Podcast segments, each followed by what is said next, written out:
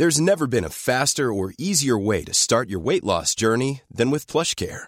PlushCare accepts most insurance plans and gives you online access to board-certified physicians who can prescribe FDA-approved weight loss medications like Wigovi and Zepbound for those who qualify. Take charge of your health and speak with a board-certified physician about a weight loss plan that's right for you. Get started today at plushcare.com slash weight loss. That's plushcare.com slash weight loss. plushcare.com slash weight loss.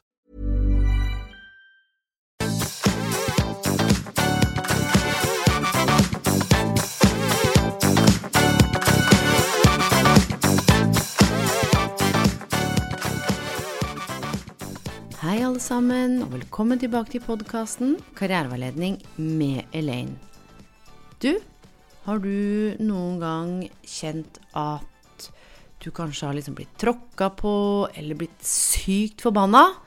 Og når du har hatt lyst til å si ifra, virkelig sette grenser, og nå er det nok, så kjenner du f.eks. at det kommer tårer, og at du ikke eh, får sagt det du skal. Eller kanskje har du kjent på å vært redd, og istedenfor å sette ord på at du er redd, eller vise det, så blir du sint. Kanskje har du kjent på skam eller skyld, og det som kommer til uttrykk, det er noe helt annet. Dagens episode, mine venner, den skal handle om følelser. Og følelsene våre er jo relativt eh, skal ikke si undervurdert, men de er sinnssykt viktige. Og følelsene våre har jo vært med oss i lang, lang, lang, lang, lang, lang tid. Lenge før vi fikk en velutvikla frontallapp hvor vi kunne resonnere, vurdere, planlegge, tenke konsekvenser. Så har følelsene vært med oss i lang tid. Og de forteller oss jo noe om omverdenen, og ikke minst så forteller de oss noe om hva vi trenger. Og så er det veldig viktig å skille mellom emosjoner og følelser. Og emosjoner, det er det som er innebygd i hjernen og i kroppen vår. Det er koda inn i genene våre.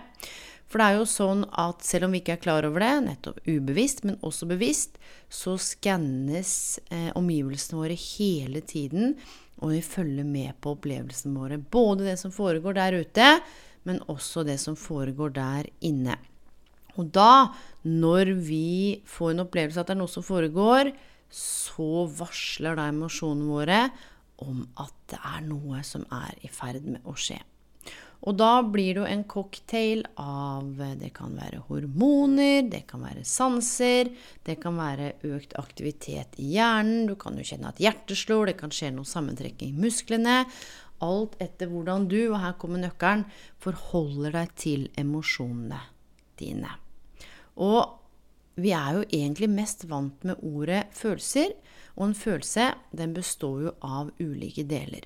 Men noe av det aller viktigste jeg tenker vi skal ta med oss fra i dag, det er at det er ikke tilfeldig at du føler det du føler.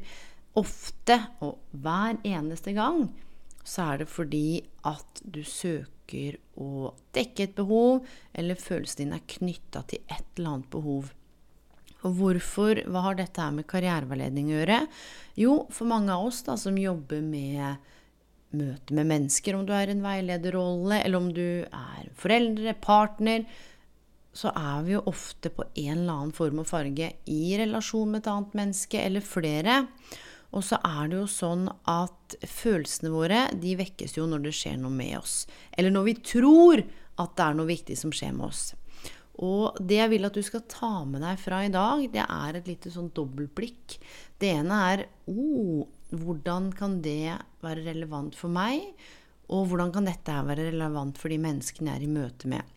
Og vi kan jo skille mellom to typer følelser. Den første følelsen, eh, altså de første følelsene, er primærfølelsene våre.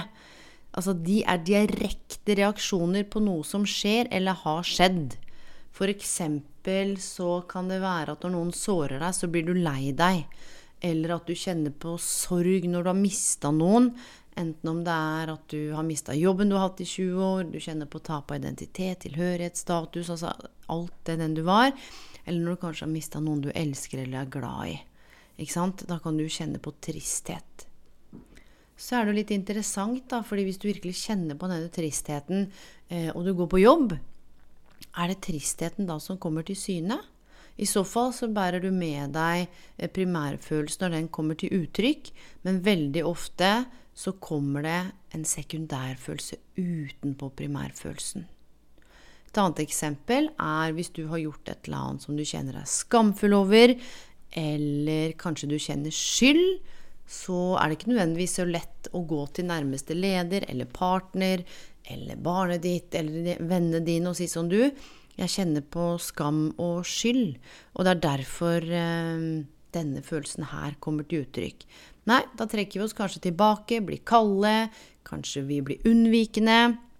Og da er jo det nettopp den sekundærfølelsen. Og jeg har tenkt sjukt mye på det her de siste ti årene, fordi vi snakker veldig sjeldent om det det egentlig dreier seg om.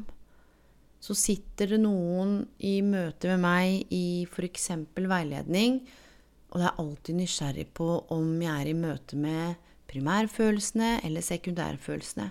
Så jeg er alltid nysgjerrig på eh, hvem er det jeg snakker med? Har jeg dialogen med dypt sett altså kjernen av det mennesket som sitter foran meg? Eller bærer det preg av foreldrene sine stemmer og forventninger, samfunnets narrativer om hva en karriere skal være, kanskje vennenes definisjon av hva som er suksess? Så mye av jobben handler jo om å sortere og kartlegge uten å gå i den terapeutfella, eh, eller fella som handler om at jeg skal være en, en psykolog, for det er jeg på ingen som helst måte. Og det er jo der jeg tenker den kombinasjonen av særlig de fagfeltene jeg har, det pedagogiske, coachingfagfeltet, karriereveiledningsfagfeltet, nevrovitenskapen, og ikke minst da kan koble på dette her med følelser og mentaltrening, gir en sånn fin plattform av ulike byggeklosser for å kunne ivareta flere deler og se det hele mennesket, samtidig som ikke jobben min handler om å, å, dvele ved fortiden eller skulle bidra med noen sånn slags form for um, healing. Selv om det kan jo være helende å bare sette ord på, og det å bli eh, sett. Så jeg er veldig tydelig på hva mandatet og rollen min er, og hva det ikke er. Og jeg stoler også på, når jeg er i møte med andre mennesker, at jeg kan spørre om de tingene jeg lurer på, for jeg har respekt for at de er i stand til å holde det og prosessere det så lenge intensjonen er god. Og det er noe med å få tak i primærfølelsene til de menneskene jeg er i møte med, for det er de som ofte er ekte og betydningsfulle. Det er jo de som sier noe om hva som foregår i deg, altså hva dette her dreier seg om. Og så er det jo sånn at denne følelsen alltid er knytta til et behov.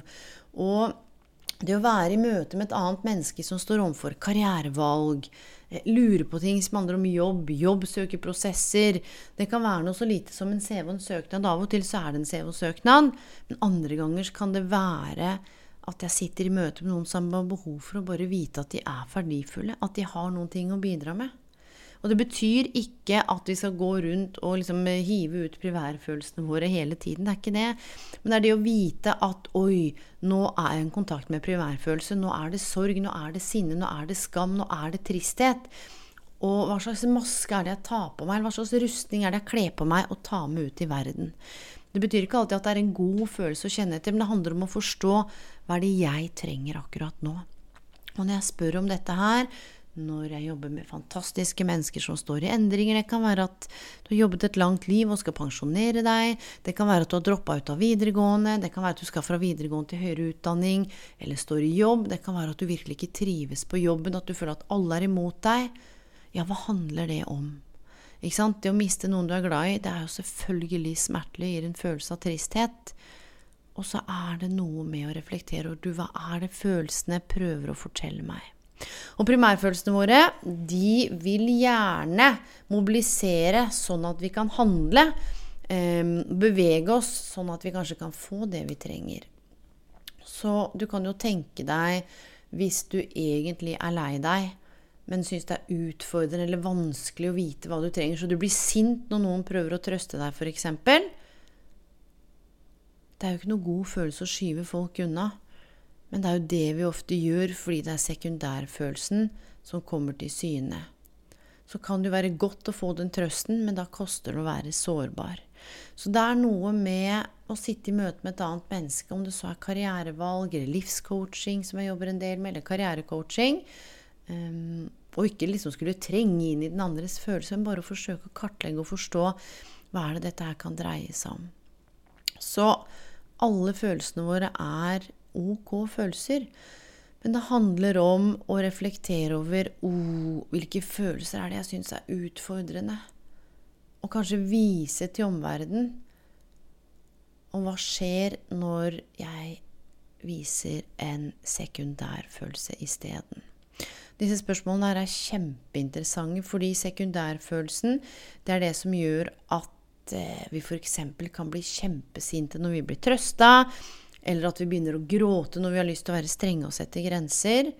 Eller kanskje vi blir skikkelig avvisende. Når noen har lyst til å ringe på, levere noe på døra, komme med noe mat, gi oss en klem. Når vi bare kjenner at vi virkelig savner noen. Og det er her ofte vi kan bli mm, forvirrende for oss sjøl og forvirrende for andre, fordi jeg kan jo som et medmenneske ikke vite hvordan du har det, men jeg kan tenke meg til og føle meg til at hvis du har mista noen du er glad i, så vil du kjenne på en følelse av tristhet. Og hvis jeg strekker ut en hånd, og du slår den bort fordi du er sint, fordi det er sekundærfølelsen din som kommer til syne, fordi du er irrasjonell, fordi du vil ikke fremstå som Nå sier jeg ikke at du er irrasjonell hvis du kjenner på det. Um, og det kan jo være at du blir sint fordi du har mista noen fordi du kjenner at det er urettferdig. Så det trenger ikke bare være tristhet. Men det er der det blir irrasjonelt, og så blir jeg forvirra. Jeg veit ikke hvordan jeg skal forholde meg til deg. Eh, jeg blir usikker på meg selv i møte med deg. Du blir usikker på hvem jeg blir. Og så begynner vi å påvirke hverandre på den måten. Og tenk deg, hvis du har sagt noe stygt til noen, såra noen, ødelagt for noen Er sjukt, sjukt, sjukt irritert på den du har såra, nettopp fordi det er så mye å ta inn over seg. Så sekundærfølelsene de kan også komme som eh, sterk skyldfølelse. Hvis du f.eks. kjenner at 'Å, nå har jeg lyst til å fortelle hvordan jeg egentlig har det, hvordan jeg egentlig føler'. Så hele poenget er da følelsene våre de er ikke nødvendigvis alltid forenlige med det som skjer eller har skjedd. Og det er sjukt vanskelig noen ganger å vise hva vi føler. Du, jeg har jobba i mange, mange år. Jeg har starta med det for 11-12 år siden. Og øver på å jeg har alltid vært varm og følsom, inkluderende og raus og bla, bla, bla. Jeg har ikke alltid vært like god tidligere til å vise hva jeg føler, til å være sårbar. Vært vant til å være litt sånn tøff og hard og kald, og dette ordner seg. Og dette handler jo om karrierehelsebiten og det å liksom kunne tåle egne følelser, forstå hva som skaper mening, forstå hvordan dette er i tråd med verdiene, hvordan det påvirker eh, stress, nære relasjoner, grad av hvile, hvordan vi behandler oss sjøl. Så sekundærfølelsene våre, dere, de kan ofte dekke over det første vi føler, primærfølelsene. Og da blir det uoversiktlig og vanskelig av og til i en karrierecoaching, en livsstilscoaching, en karriereveiledning å eh, få tak i hva er det som gjør at det å bytte jobb kjennes så utfordrende, hva er det som gjør at den relasjonen til lederen din er så tøff. For kanskje du kjenner deg såra, men det kommer ut som om du egentlig bare pff, skal videre, fordi nå er du ferdig. Og det er ikke sånn at vi alltid forstår hva vi føler, og det er ikke det dette handler om. Og det som er veldig fascinerende, dere, det er jo Brené Brown. Hun er jo en kjent uh, researcher, skrevet masse bøker, og særlig forsket på skam. Um, skyldfølelse, det å være sårbar. Og hun har lista opp 87 human emotions and experiences. Og det som er så spennende med disse Hun har lagd kategorier. Jeg skal gi dere en eksempel. Den ene heter 'Places we go when things are uncertain or too much'. Altså hvor er det vi beveger oss hen i følelsesregisteret og erfaringene våre når noe er utrygt eller vi blir overvelda, eller når det blir for mye. Så sier hun da beveger vi oss inn i følelsen av stress, angst, bekymring, unngå, glede, frykt og sårbarhet. Så sier hun du, steder vi beveger oss når vi sammenligner. Jo, det er nettopp det vi gjør. Vi beundrer, vi sammenligner, vi er misunnelige, vi er sjalu, vi slutter å like. Vi blir glade når ikke det går helt ok for andre, og det påvirker også hvordan vi opplever og behandler oss sjøl. Så sier hun du, stedene vi beveger oss når ting ikke går som vi planla, kjedsomhet, skuffelse, forventninger, anger, uengasjement, vi resignerer og blir frustrerte. Et annet eksempel det er steder vi beveger oss når ting ikke er som de tilsynelatende skulle vært. Bitter søtt, nostalgi, kognitiv dissonans, paradoks, sarkasme og ironi. Tenk dere det, hvor masse følelser som bor i oss. Steder vi går når vi kjenner på smerte, when we're hurting. Håpløshet, altså jeg må si det på engelsk, despair, anguish, sadness og grief. Det engelske vokabularet det har mye mer ord for å dekke hvordan vi har det. Jeg personlig syns det norske språket er fattig. Det mangler ord og begreper for å sette ord på eller forstå hvordan vi har det. Steder vi beveger oss sammen med andre. Medfølelse, sympati, empati, grenser. Vi lider med. Steder vi beveger oss når vi føler at ikke vi strekker til. Skam, medfølelse, perfeksjonisme, ydmykelse, flauhet, skyldfølelse. Steder vi går når vi leter etter connection, tilhørighet, det å passe inn, disconnection, usikkerhet, usynlighet, alene. Steder vi går når hjertet vårt er mykt og åpent, kjærlighet, Kjærlighet, sorg, tillit. Det å ha tillit til seg selv, selvbedrag, smerte, defensiveness, lovelessness. Steder vi går når livet er godt. Glede, ro, contentment, gratitude. Oh, relief, tranquil tranquility, joy. Steder vi går når vi føler at noen har gjort noe med oss som ikke er ok. Eller we feel wronged. Anger. Disgust. Dehumanization. Hate. Self-righteousness. Og det er mange andre følelser. Og flere av disse her står også i direkte motsetning til hverandre. Det er kjempespennende. Og det å jobbe med eller bli kjent med egne følelser. Ikke fordi at vi skal forstå oss i hjel på andres følelser, men bare vit det at atferden vi ser, er jo et vindu inn til at det ligger noe bak. Sånn som eh, Jeg har vært mye på farta i det siste. Har en jobb jeg elsker. Jeg har vært i Bergen, jeg har vært i Tromsø. Jeg har hatt seks helger på rad med mentaltrening og, sal, og, coaching og kommunikasjon for Akademi for personlig trening. Et folkehelseperspektiv. Jeg har leda tre svære konferanser. Det har vært spesielt ekstra trykk den høsten her, så jeg har vært litt mer borte fra Eiden enn til vanlig.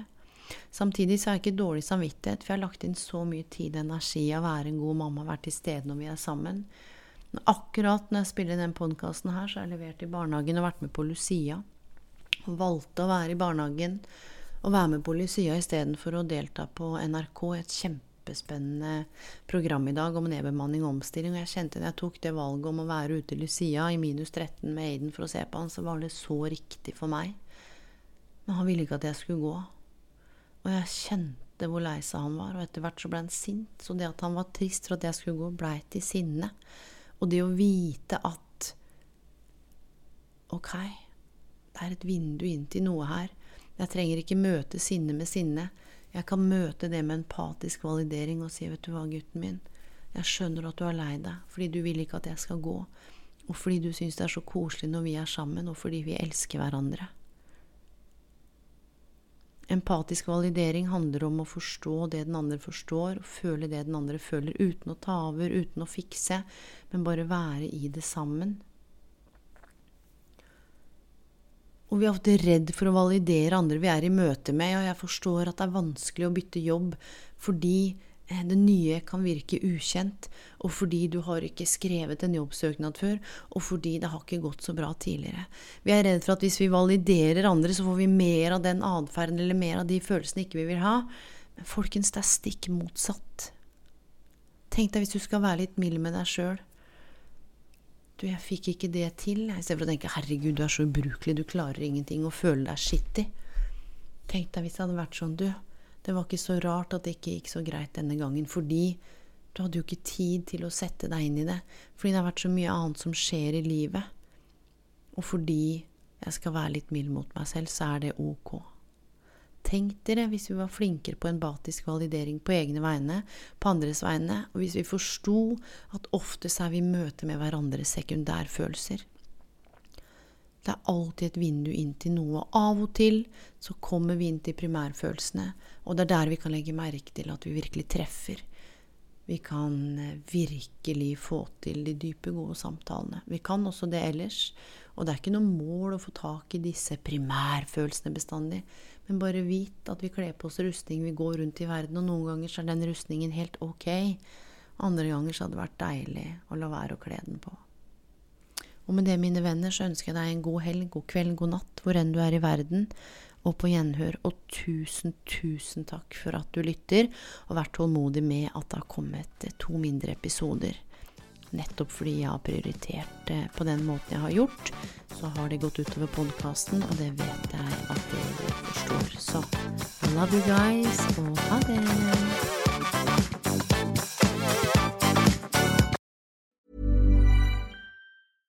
Ever catch yourself eating the same flavorless dinner three days in a row?